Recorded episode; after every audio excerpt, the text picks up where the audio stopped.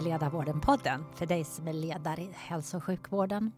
Podden görs av Bonnier Healthcare och Dagens Medicin Agendas område Ledarskap för vården. Jag heter Nina Hedlund och är verksamhetsansvarig för Ledarskap för vårdens program och nätverk. I begynnelsen är jag sjuksköterska och journalist. Jag heter Isabelle Selin och är VD för Bonnier Healthcares verksamhet i Sverige. I botten är jag specialistläkare i geriatrik. I det här avsnittet, det är det tredje avsnittet av vår podd. Det handlar om att styra upp en verksamhet med grava problem och som finns på två sajter. Samt att komma in som ledare i hälso och sjukvården från en helt annan bransch. Vi ska prata om logistik, organisation men framför allt om ledarskap. Vad är det som krävs för att göra snabba förbättringar? Och vad krävs för att hålla i dem och vidareutveckla? Tore Evang som kommer från Kongsvinger i östra Norge är verksamhetschef för sterilteknik och logistik på Karolinska Universitetssjukhuset. Hans bakgrund är inte medicinsk. Istället har han arbetat inom flyg och logistik i hela sitt tidigare yrkesliv. Tore är utbildad pilot, har jobbat som flygkapten på Norwegian i 15 år, som rådgivare inom Lean Production och med FN i Kroatien på 1990-talet. Till Karolinska Universitetssjukhuset kom han sommaren 2020 med uppdrag att lösa problem. Våren 2023 fick han pris av Stockholms stad som årets ledare. Ur motiveringen. Tore har genom sitt långsiktiga, inkluderande och närvarande ledarskap lyckats genomföra betydande förbättringar i organisationen. Han har med innovativa metoder utvecklat sin organisation vilket resulterat i kapade kötider, sänkta kostnader högre patientsäkerhet och ökad kundnöjdhet. Välkommen till vår studio, Tor Evang. Tack. Nu har vi precis fått höra om ett pris som du har fått, men just igår innan vi gick in i den här studion så blev du nominerad till ett nytt pris. Vad är det? Ja, det var jättespännande. Vi är ett gäng ledare som jobbar med sterilteknik och logistik på Karolinska och eh, nu har vi kommit till finalen faktiskt eh, på en stor tävling som, eh, där man tävlar med alla sjukhus i hela världen. Och då har vi kommit till finalen i Excellence Award for Leadership and Management, så det är kul. Fantastiskt, då hoppas vi att du vinner. Men nu måste jag fråga dig, varför blir du och ditt team prisade? Jag vet att du har fem punkter du kan prata om där du har jobbat med förbättringar. Ja, nej men när jag började för tre år sedan eh, då, då hade ju vi en verksamhet som, hade, som var i kris helt enkelt. Som begränsade sjukhuset och som orsakade eh, strykningar så patienter blev lidande. Det var ju fruktansvärt. Och på toppen av det så eh, hade vi väldigt stora ekonomiska problem. Vi hade också stor personalomsättning. Så det vi gjorde det var att ändra vårt tankesätt och vår produktion helt. Eh, och eh, lyssna på den här. Vi har gått från eh, 90 procent kvalitet och leveranssäkerhet till 99,9 procent. Det är en sak. Och det är klart det är viktigt att få eh, schyssta grejer till operationssalen. Eh, nästa som vi har jobbat mycket med det är ledtider. Så vi har ändrat vår produktion helt till att vara eh, behovsstyrd. Eh, och det betyder att vi kan kapa ledtider för då slipper vi att springa så mycket på akuta ärenden. Så vi har ju kapat den med 45 procent bara i år. Det är, det är ju fantastiskt. Sen så handlar det om pengar också, eller hur? Ja, ja men det var ju viktigt. Eh, när jag tog över tre år sedan då hade vi ju böstat budget med 38 procent. Och då är, risken, eh, då är risken stor för att sjukhuset dels eh, lägger mycket pengar på det men att, vi måste dra ner på personalen. Eh, men istället så fick vi ordning på våran produktivitet och enhetskostnad.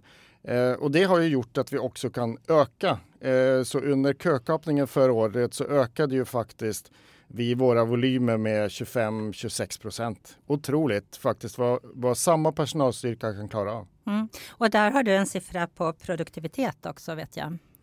Ja, nej men vi gick ju upp ungefär 47 procent i produktivitet från, från ett år till, till nästa.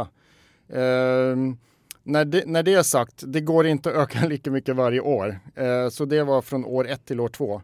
Eh, men de senaste åren har vi hållit ett, en stabil kostnadsnivå per operation. Och det är klart det är viktigt eh, att, att hålla en, en stabil nivå. Mm. Mm. Men produktivitet inom din verksamhet, det är alltså hur många pengar per person man hinner sterilisera, typ, eller? Ja, precis. Mm. Vi har uh, ungefär 250 000 instrument som passerar vår sterilcentral varje månad.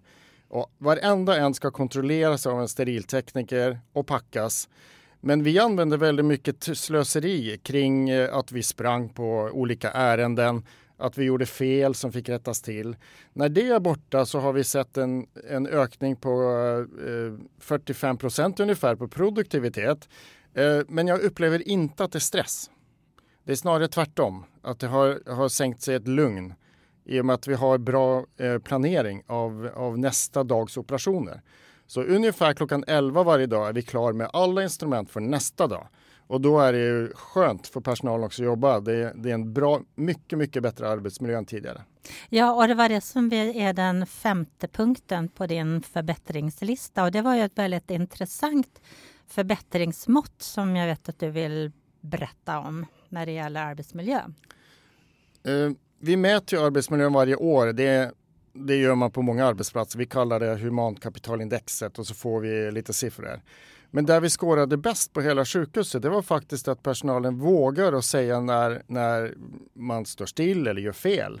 Man vågar dela med sig. Så vi har också skapat en kultur där ingen är rädda längre för att göra misstag och fel. Det är klart vi ska inte göra allvarliga fel så att patienten blir lidande. Men nu pratar vi små enkla fel som vi kan rätta till. Eh, så det var, det var väldigt, väldigt kul att se. Ja, det förstår jag. Ja, men nu har vi ramat in förbättringarna som du och ditt team har gjort. Men jag tänker att vi backar lite nu till hur kommer det sig att en pilot från Norwegian landar ner på Karolinska Universitetssjukhuset? Ja, det var tillfälligt. Eh, covid rammade ju väldigt många av oss. Eh, och för min egen del så gick eh, Norwegian i Sverige konkurs. Jag fick söka jobb men som tur var så hade jag eh, två utbildningar. Jag var också logistiker och hade jobbat med apotekstjänst eh, och e-handel exempelvis. Ehm, så då började jag söka jobb och min fru hade ju jobbat på Karolinska så det kände jag till. Ehm, jobbintervjun var faktiskt på Command Center där man såg till att få in eh, material, eh, skyddsmaterial till sjukhuset. Och det var en sån häftig miljö så jag sa att här, här vill jag jobba vidare. De har ju också fått pris, Command Center, apropå det. Precis, mm. så eh, jag blev rekryterad av, av eh, Sara som var min chef och hon var ju ledare. Sara Lindholm Larsson. Exakt. Mm. Eh, och vi hittade varandra väldigt bra och hon trodde verkligen att jag kunde göra den förändringsresan.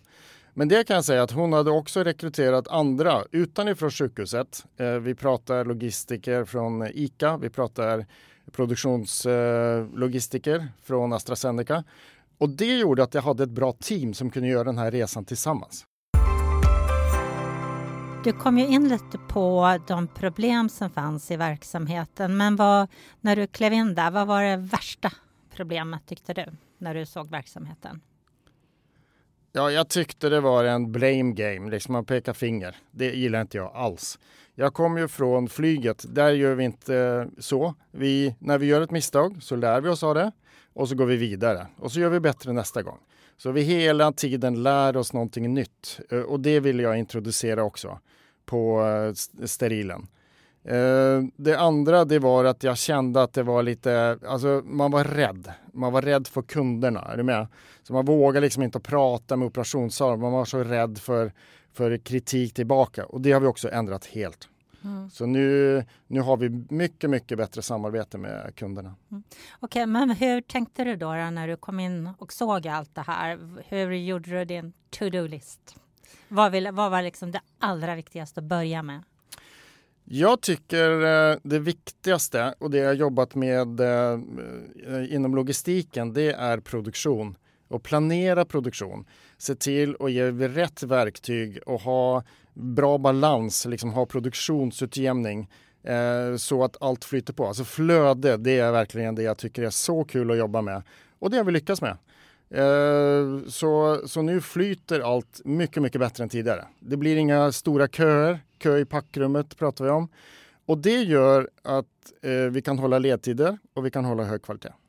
Men jag gissar att det inte var någon picknick i parken att eh, börja jobba med det här med tanke på de problem som var. Vad var det som var svårast tyckte du när du skulle förändra det här? Ja, det svåraste det är eh, kvalitetsresan ska jag säga. Mm. Liksom få på plats eh, bra rutiner eh, och få alla med på tåget. Att man verkligen läser rutinerna, att vi jobbar med dem tillsammans. Så att det, det blir ett teamwork där, alltså jag kan inte, jag har inte jobbat i sjukvården tidigare. Jag kan inte gå ut och säga vad som ska göras, men tillsammans med eh, de som är proffs, tillsammans med logistiker, tillsammans med läkare och, och eh, sjuksyrror, så kan vi göra det här bra tillsammans. Det är det som är viktigt och, och tänka liksom brett när man försöker göra en förändringsresa. Eh, få in fakta, alltså faktabaserade förändringar. Det är nyckeln. Men hur gjorde du när du kom utifrån in till den här verksamheten för att bygga de här relationerna? För det är inte alltid helt lätt att snabbt göra det eftersom det är ganska många som är inblandade omkring operationsverksamheten. Precis. Eh, det jag hade jobbat mycket med tidigare och faktiskt eh, pluggat inom logistiken, det var nyckeltal. Och där skulle jag vilja säga att där har sjukvården väldigt mycket att, att lära sig. Ehm, eh, kring vad ska en operation kosta? Eh, hur mycket resurser lägger vi? Eh, vilka väntetider har vi? Alltså det finns en massa grunddata, men så gäller det att få till bra nyckeltal som vi kan följa dag för dag och se om vi blir bättre eller sämre. Men det, det är väldigt många inom hälso och sjukvården som klagar över att man mäter för mycket och att man ägnar jättemycket tid i att fylla i en massa dokument som ska mäta saker. Mm. Hur, hur ska man kunna sälja in och jobba mer med nyckeltal? Ja, det var ett krav jag ställde att det här skulle vara enkelt. Det här skulle vara baserat på den datan vi hade. Så vi har en fantastisk tjej hos oss som eh, sitter på IT, Serap. Hon eh, eh, lägger kanske 20 minuter på måndag morgon så har alla i verksamheten nyckeltal. Då får jag nämna hela hennes namn som hon gjorde något bra. Ja, precis. Serap eh, Korba, eh, fantastisk. Eh, hon har jobbat tio år med oss och, och eh, ger oss allt det här. Men det ska inte ta lång tid, det är viktigt. Men vad tycker du är det speciella med att leda i hälso och sjukvården? För eftersom du både har varit inom handel och inom flyg och på en massa olika ställen. Ja, det jag tyckte var väldigt konstigt det var hur, hur många såg på eh, sin finansiering. För det är inte van vid från det privata. För där är det ju så att går man eh, back så är det konkurs. Eh, eller man måste se upp folk. Här kände jag att det var en inställning att det löser sig alltid, vi får alltid pengar. Men det tycker jag är fel. Vi, vi måste tänka om. Vi måste få mera krut för de skattepengarna vi lägger ner på sjukvården. Och där kan jag bidra med att eh, vår produktion är billigare per operation. Eh, och det tänket tror jag alla måste verkligen få in i sjukvården. Och jobba mot slöseri, eh, jobba med billigare avtal, eh, jobba med effektivisering och produktivitet. Det tror jag alla måste göra. Mm. Vad är det allra viktigaste som du har lärt dig själv som ledare under de här åren på Karolinska? Ja, jag var ju tveksam i början, men det går att göra en förändringsresa. Mm. Det går. Och det är så kul när du får med dig hela teamet. Mm. Eh, det är en glädje att gå ut idag. Jag är ingen kontrollant när jag går ut eh, i sterilen. Så att det känns skönt. Det här har vi gjort tillsammans. Mm. Med tanke på hur läget är nu för nästan alla inom hälso och sjukvården med bekymmer med pengar och med personal. Vad är det som är dina största utmaningar nu för att hålla och utveckla kvaliteten på alla sätt och vis? Ut, eh, utmaningen det är att göra rätt saker och prioritera produktion så att flera medborgare får en operation och blir friska och slippa smärta. Det, det tycker jag att vi måste fokusera på 100 procent. Och om vi då måste eh, göra enklare system, göra mindre administration så är jag helt med på den resan faktiskt. Mm. Om du som avslutning skulle ge ett råd till andra ledare som just kommer in på ett uppdrag i en verksamhet som har stora problem. Vad tycker du är det allra första man ska tänka på då? Gör inga snabba beslut. Mm. Ta, reda på, ta reda på hur verksamheten fungerar i grunden. För det är så mycket detaljer, så låt det ta tid och ta hjälp av medarbetarna för de sitter ofta på lösningen. Men Tore, kommer du att stanna kvar på Karolinska Universitetssjukhuset?